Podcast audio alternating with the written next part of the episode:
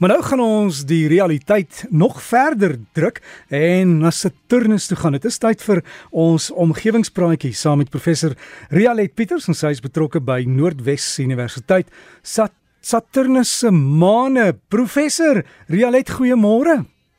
Hallo Derek. Ja, ehm um, die afgelope week was Jupiter in die nuus omdat hy op sy naaste aan die aarde was in 59 jaar. Maar vandag maak ek praatjies oor 'n ander planeet. Is daar lewe op een van Saturnus se maane? Saturnus is die 6ste planeet van die son af en die tweede grootste een in ons sonnestelsel. Dis die een met die ringe om. Die ringe bestaan uit stukkies ys en klein stukkies rots wat wissel in grootte van mikrometer tot meters. Die ring naaste aan die planeet is die D-ring, gevolg deur ringe C, B, A, F, G en E, hoe verder mens na buite beweeg. Volgens NASA se webwerf het dit 83 maane, waarvan 63 reeds benoem is. Hulle het die interessante name van onder andere Pan, Atlas, Prometheus, Pandora, Janus, Mimas, Enceladus, Callisto, Calypso en so meer, veral uit die Griekse mitologie. Saturnus het sy ontstaan gehad saam met die res van die sonnestelsel 4.5 miljard jaar gelede. Dis nou Realit, ekskuus, ek gaan net gou daar inspring. Die mikrofoon kom en gaan, kom en gaan. Kan jy miskien net nader gaan? Ek dink ons het dalk so 'n bietjie amper kragprobleem. OK, en nou, ek is nou 'n bietjie nader. Daar sê, daar sê nou sy reg. Nou kan jy voortgaan. Dankie. OK. So ek het nou net gesê die sonnestelsel is 4.5 miljard jaar oud en ek het geleer dat die Britse en Amerikaanse biljoen verskillende hoeveelhede ehm um, nulle het. O ja, ek het nou nie gesê nie. Die 4.5 miljard in Afrikaans beteken ehm um, 4.5 maal 10 tot die mag 9. En maar daar's 'n verskil tussen Britse en Amerikaanse biljoen uh, in in die aantal nulle. So as NASA se webwerf sê dat die sonnestelsel 4.5 biljoen years oud is, bedoel hulle 4.5 maal 10 tot die mag 9 jaar. In Britse Engels sou dit wees 4.5 miljard years en in Afrikaans is dit 4.5 miljard jaar. Britse biljoen en Afrikaanse biljoen sou 4.5 maal 10 tot die mag 12 gewees het. Ek verkies dus maar om by die wetenskaplike notasie vir die ouderdom van die sonnestelsel te hou, want dit maak dan die saak in watter taal ek praat nie. Soos Jupiter bestaan Saturnus meestal uit waterstof en helium, dieselfde twee komponente waaruit die son ook bestaan. Die heel binnekant van Saturnus bestaan uit 'n digte kern van metale soos yster en nikkel en is omtrent uh, is hy omring deur rotsagtige materiaal wat in 'n soliede massa vasgedruk word deur intense druk en temperatuur. Op sy beurt word dit omring deur vloeibare waterstof gevolg deur 'n laag helium. Die planeet het 'n gemiddelde digtheid wat minder is as die van water en sou dit in 'n badwater kon dryf as ons maar net so 'n groot bad kon vind. Die Cassini-Huygens ruimtetuig was die resultaat van die samewerking tussen NASA en die Europese en Italiaanse ruimteagentskappe en is gestuur om Saturnus se omgewing te gaan verken. Die sending van het geduur van 15 Oktober 1997 tot 15 September 2017. Verskeie opdragte is deur die kombinasie tuis uit, tuig uitgevoer terwyl dit in die ruimte was. Die landingsmodule Huygens het op Saturnus se grootste maan, Titan, geland en die Cassini-tuig is uiteindelik in Saturnus se atmosfeer ingenavigeer om daar uit te brand.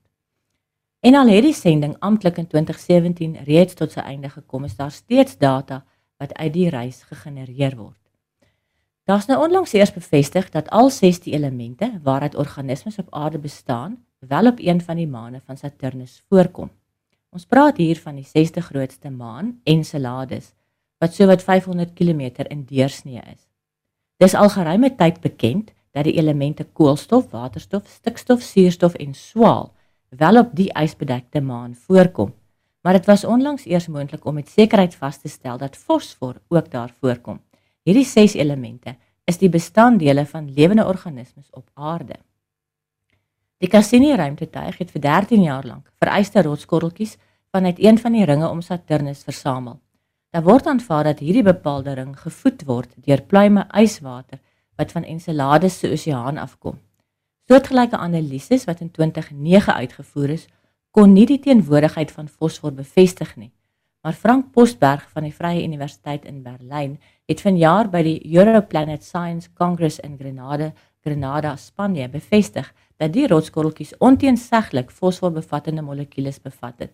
Hulle het dit met nuwer verbeterde tegnieke vasgestel nadat hulle ongeveer 1000 rotskorreltjies geanaliseer het. En net 9 van die korreltjies het spektraallyne van die fosforbevattende verbindings getoon. Die navorsers skat dat Enceladus se see 100 tot 1000 keer meer fosfor bevat as die aarde se oseane.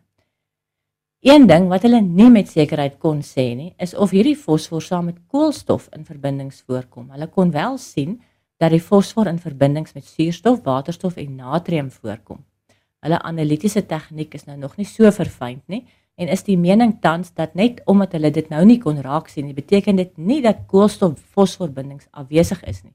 Jy sien koolstof is die vername element wat in organismes teenwoordig moet wees, ten minste dis so vir die aarde. Enceladus word reeds beskou as een van die meer waarskynlike liggame in ons sonnestelsel wat bewoonbaar sou kon wees vir lewensvorms soortgelyk aan dit wat op aarde leef. Die maan van Saturnus het 'n vloeibare oseaan onder 'n ysbedekte laag en pluime water in sy atmosfeer wat waarskynlik van die see afkomstig is. Binne in hierdie pluime is ook reeds metaangas ontdek.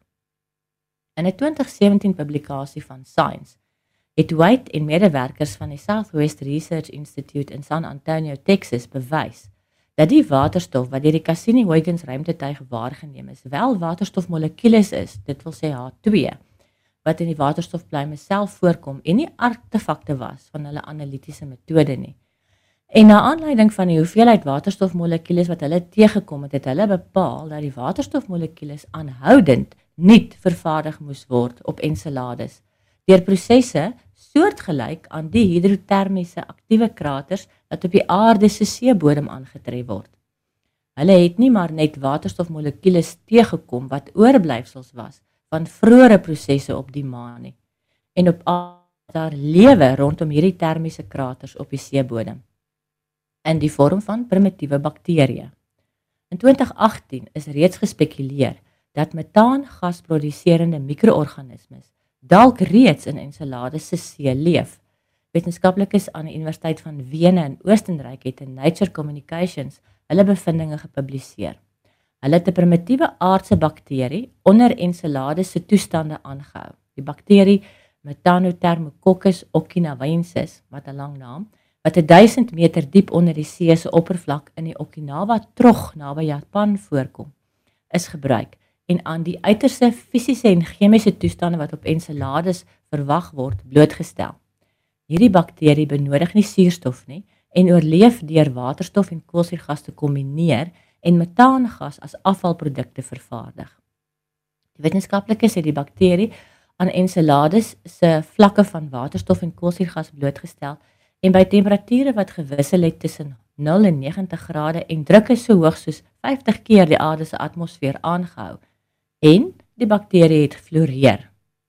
Om aan te dui dat Enceladus bewoonbaar is, is een ding, maar om lewe op hierdie maan te vind is iets anders. Net omdat 'n plek geskik vir lewe is, beteken dit nie dat lewe noodwendig teenwoordig is nie, want eintlik verstaan ons nog nie regtig die oorsprong van lewe nie. So sê Chris McKay by NASA se Ames Navorsingsentrum in Kalifornië. Ja, um, ek het op ons omgewingsplaatjies praatjies se Facebook bladsy foto's van Enceladus wat ek by NASA se webwerf raak geloop het geplaas. Gaan kyk bietjie. Ek wil daarom net ook graag noem dat ek nie al, dat ek nie alleen die plasings op omgewingspraatjies se Facebook blad behartig nie. Agter die skerms werk 'n na-doktorale genoot, Dr. Anja Erasmus, saam met my. En sy is een van die agter die sy is een van die wat agter die het jy geweet plasings skuil en die plasings oor herwinnings en haai eierpakkies. Hy's uiters knap en entoesiasties. Dankie Anja. En so gesels ons dan met professor Rialet Pieters daaroor die maane van Saturnus en as jy die foto's wil gaan kyk, omgewingspraatjies op Facebook en hulle sal dan deel op die breakfast bladsy ook. En as jy dalk 'n idee het oor iets waaroor ons kan gesels, jy's welkom om e-pos te stuur en doen dit na omgewing by rsg.co.za. Is omgewing by rsg.co.za.